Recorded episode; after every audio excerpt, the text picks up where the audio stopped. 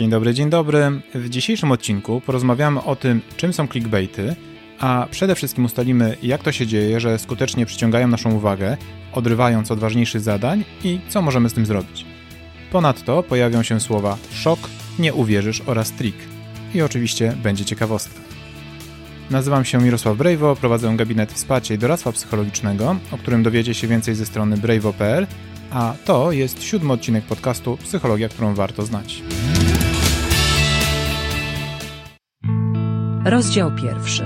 Myśleliście, że wiecie o co chodzi z clickbaitami, ale to was zaskoczy. Skandaliczne zachowanie gwiazdy. Co ona sobie myślała? Wycofali produkt, masz go? Niedługo będzie wart majątek. Osiem sekretów długowieczności. Czwartego nigdy byś nie zgadł.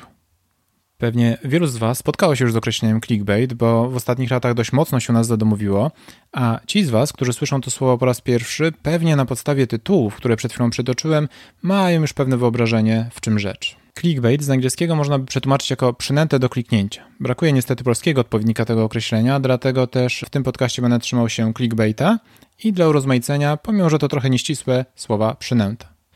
Na nasze potrzeby przyjmijmy, że clickbaity to tytuły artykułów, często połączone też ze zdjęciem, tak zwaną miniaturką, które w celu zachęcenia do kliknięcia wprowadzają w błąd co do treści artykułu, albo też tę treść i jej znaczenie bardzo wyolbrzymiają. Na przykład aktor przyłapany na ulicy wyglądał fatalnie i do tego w kwadratowym nawiasie wielkimi literami zdjęcie.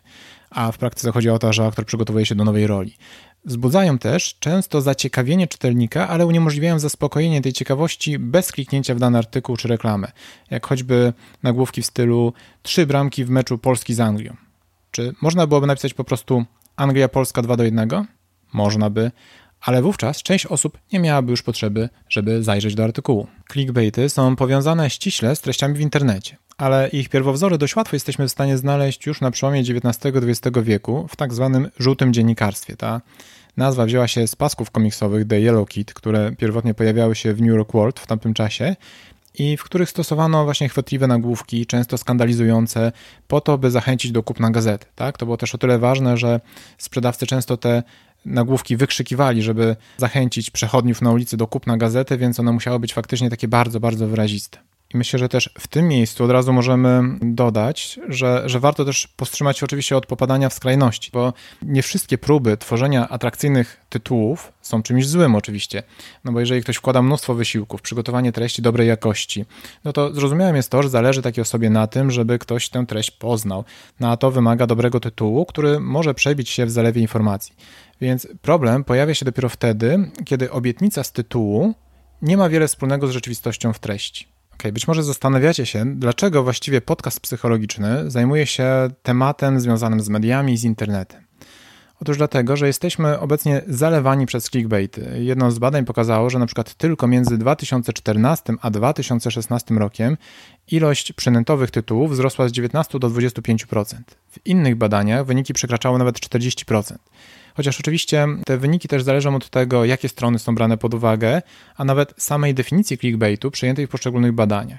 Ale tak czy inaczej, clickbaitów wokół nas są setki, rozpraszają nas i psują naszą skuteczność osobistą, a to już jest aspekt dla psychologii bardzo istotny.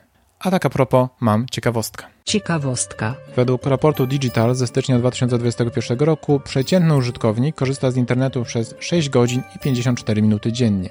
To o 11 minut więcej niż przed rokiem.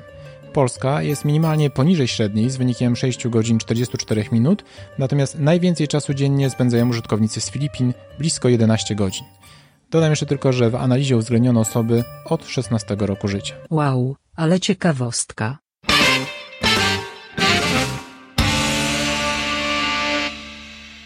Swoją drogą, zastanówcie się sami, czy nie zdarzyła Wam się jakaś taka sytuacja, że weszliście do internetu, żeby poszukać jakiejś konkretnej, ważnej informacji, ale Waszą uwagę przykuł nagłówek typu szok. Rodzice zapomnieli o dziecku. Nigdy nie uwierzysz, co stało się później.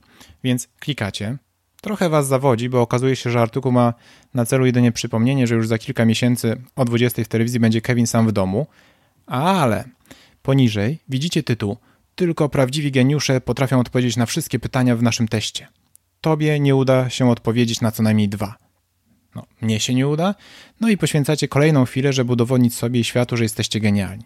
I w ten oto sposób, pół godziny później, wiecie już, że ktoś uratował małego kotka gdzieś w Arkansas oraz ile par butów ma w szafie gwiazda, o której istnienia jeszcze 7 minut temu nie wiedzieliście, tylko nie zrobiliście tego, co właściwie chcieliście. Ba, może już nawet nie pamiętacie, co to było. Jeśli brzmi znajomo, słuchajcie dalej. Rozdział drugi. Szokująca prawda o tym, jak żerują na Was wielkie portale internetowe. Mamy naturalną potrzebę poszukiwania informacji. I to bardzo dobrze, bo pozwala nam przetrwać i dostosować się do zmieniającego się świata. Jak poznajemy nowych ludzi, staramy się dowiedzieć, kim są. Gdy mamy zjeść nową potrawę, pytamy, co to takiego. Kupujemy jakiś droższy produkt, czytamy recenzję albo pytamy znajomych o opinię. Problem w tym, że twórcy clickbaitowych tytułów o tym wiedzą, wykorzystując często coś, co Lowenstein nazwał luką informacyjną. Jest to różnica pomiędzy tym, co wiemy, a tym, czego nie wiemy, a uważamy, że może to być dla nas cenne.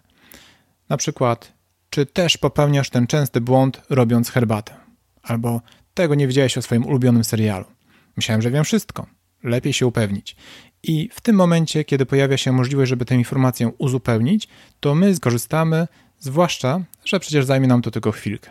Ale luka informacyjna to nie wszystko, ponieważ gdy widzimy szansę na zdobycie ważnej informacji, zwiększa się u nas również wydzielanie dopaminy, a to, nieco upraszczając, powoduje, że odczuwamy przyjemność. I to też jest pewien haczyk, gdyż wydziela się ona w reakcji na sygnał, czyli kiedy zobaczymy dany tytuł, a nie w związku z samym artykułem. Co powoduje tyle, że nawet jeżeli sama treść odnośnika sprawi nam zawód, to prawdopodobnie i tak następnym razem damy się nabrać, dopamina się wydzieli i i tak klikniemy kolejny link. Ale to jeszcze nie wszystko, bo jak pewnie wiecie, jedną z kluczowych dla naszego przetrwania umiejętności jest dostrzeganie emocji, zarówno swoich, ale też przede wszystkim innych osób. I im silniejsze są te emocje, tym bardziej one przykuwają naszą uwagę. I to jest trzeci powód, przez który przynęty działają tak bardzo, bardzo mocno. Bo jak pokazują badania, w clickbaitowych tytułach bardzo często dominują silne, skrajne emocje. Przede wszystkim złość i radość. Nikt nie mówi tam, że ktoś się zdenerwował, tylko był wściekły. I takie stwierdzenia bardzo, bardzo zwracają naszą uwagę i zwiększają szanse na kliknięcie takiego nagłówka. Kiedy mówimy o skuteczności clickbaitów, to myślę, że to jest takie miejsce, w którym warto wyszczególnić jeszcze jedną taką kategorię clickbaitów, a mianowicie są to wszelkiego rodzaju listy. Przy czym mm, to oczywiście nie oznacza, że każdy artykuł, film czy książka w formie listy jest zła. W żadnym razie, wiele z nich jest bardzo cennych. Ale jednak bardzo łatwo jest dać się złapać na tytuły w stylu 80,5 sposobu, żeby być w super formie w zaledwie miesiąc. Punkt ósmy, rozsadzić mózg albo pięć trików bogaczy, których nie znają biedni ludzie. Czemu te listy tak działają? Otóż znowu powodów jest kilka. Po pierwsze, listy dają nam złudzenie uproszczenia skomplikowanych treści. Kiedy zbudowanie prężnej i dochodowej firmy wydaje się trudne i nieco przytłaczające, no to na tym tle siedem pewnych pomysłów na sukces w biznesie brzmi niemal jak zbawienie. No bo hej, wprowadzę sobie raptem siedem rzeczy, punkt po punkcie, no i gotowe, tak? Róbcie mi miejsce na liście najbogatszych Polaków. Co więcej, Listy są też atrakcyjne, bo one nie tylko upraszczają, ale też porządkują nam rzeczywistość, a nawet po prostu pozwalają przewidzieć, ile czasu będziemy potrzebowali chociażby na zapoznanie się z artykułem. Nie? No bo jeżeli widzimy, że jest 10 punktów, pierwszy zajmuje nam powiedzmy pół minuty, no to z grubsza wiemy, ile czasu zajmie nam całość. Rozdział trzeci. Cztery niesamowite triki, żeby nie ulegać clickbaitom. Ostatni jest naprawdę dziwny. Odnośnie radzenia sobie z clickbaitami, dużą sławę zyskało prawo Betteridge'a, e, które sformułował to szok Betteridge w 2009 roku i mówi ono o tym, że jeżeli w tytule jest postawione pytanie, to odpowiedź na to pytanie brzmi nie. Przy czym należy tu oczywiście nadmienić dwie rzeczy. Po pierwsze, e, podobne koncepcje tak naprawdę pojawiały się już przed artykułem Betteridge'a, ale jego wersja jakoś tak najbardziej się przyjęła. Po drugie, dotyczy to przede wszystkim pytań zamkniętych i odnoszących się do przeszłości, typu czy słynna para się rozstała, czy rząd zwiększył po cichu podatki i tak dalej. W wolnej chwili możecie sobie to spokojnie, tak eksperymentalnie sprawdzić, wejdźcie sobie na jakiś portal, zwłaszcza plotkarski i zobaczcie, czy faktycznie tak jest. Znajdźcie pytania typu zamkniętego i zobaczcie, czy faktycznie odpowiedź wewnątrz będzie zawsze nie. W każdym razie na pewno, nawet jeżeli nie potraktujemy tej zasady jako takiej w 100% skuteczniej, to myślę, że i tak warto mieć ją na uwadze po to, aby przed kliknięciem w kolejny link, na chwilę się zatrzymać i zastanowić, czy na pewno muszę to wiedzieć, albo może, czy potrafię odpowiedzieć na to pytanie e, bez czytania artykułu. Bo ja oczywiście wiem, że kliknięcie w jeden artykuł nie wydaje się wielką stratą czasu. Kliknę, sprawdzę i OK. Ale jeżeli później klikniemy jeszcze pięć innych, no to może się okazać, że zgubimy bardzo dużo czasu.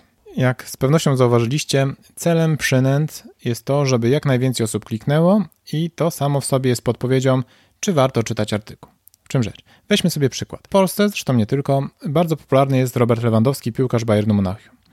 I dla przeciętnego Polaka bardziej zachęcające do przeczytania jakiegoś tekstu będzie nazwisko piłkarza niż sama nazwa klubu. Dlatego też, jeżeli coś dzieje się Roberta Lewandowskiego, to z całą pewnością zobaczycie nagłówek w stylu Lewandowski coś tam, coś tam.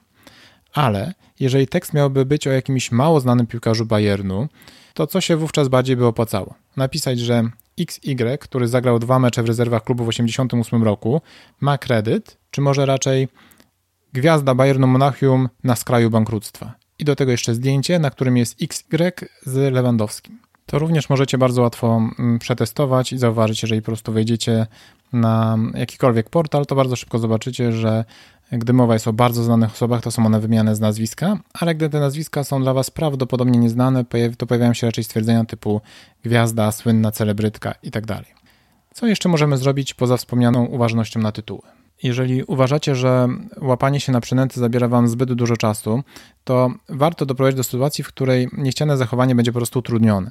Czyli na przykład skorzystać z aplikacji, które e, pozwalają na przeglądanie konkretnych stron, na przykład przez 10 minut dziennie, a później tę stronę blokują, pokazując na przykład komunikat w stylu, czy nie musisz przypadkiem pracować. Przykładem e, takiej wtyczki do przeglądarki Chrome jest na przykład Stay Focused, ale myślę, że jest ich całkiem sporo, więc łatwo je znajdziecie.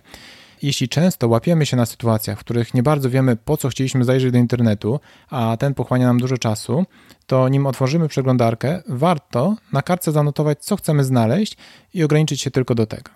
Taka informacyjna lista zakupów. Ja wiem, że może to się wydawać troszeczkę czasochłonne, ale w praktyce dobrze wiecie, że zajmie to dużo mniej czasu niż sprawdzenie 54 produktów, które rozwiązują małe problemy, które przyzwyczaiłeś się ignorować. Podsumowując, internet jest oceanem clickbaitów, które zdecydowanie więcej obiecują niż faktycznie dają. Uleganie nim przychodzi nam dość naturalnie i czasem warto do tego podejść z pewną wyrozumiałością. Ale jeżeli jest to dla Was problem, to warto być świadomym tego, jak działają, a w bardziej skrajnych sytuacjach rozważyć wprowadzenie ograniczeń na przeglądanie wybranych stron internetowych. Bardzo dziękuję za wysłuchanie tego odcinka. Jeżeli był dla Was przydatny, będę wdzięczny za recenzję lub łapki w górę w aplikacji, w której słuchacie podcastu. A tymczasem już za dwa tygodnie, czyli 20 kwietnia, porozmawiamy o efektywności osobistej. Do usłyszenia.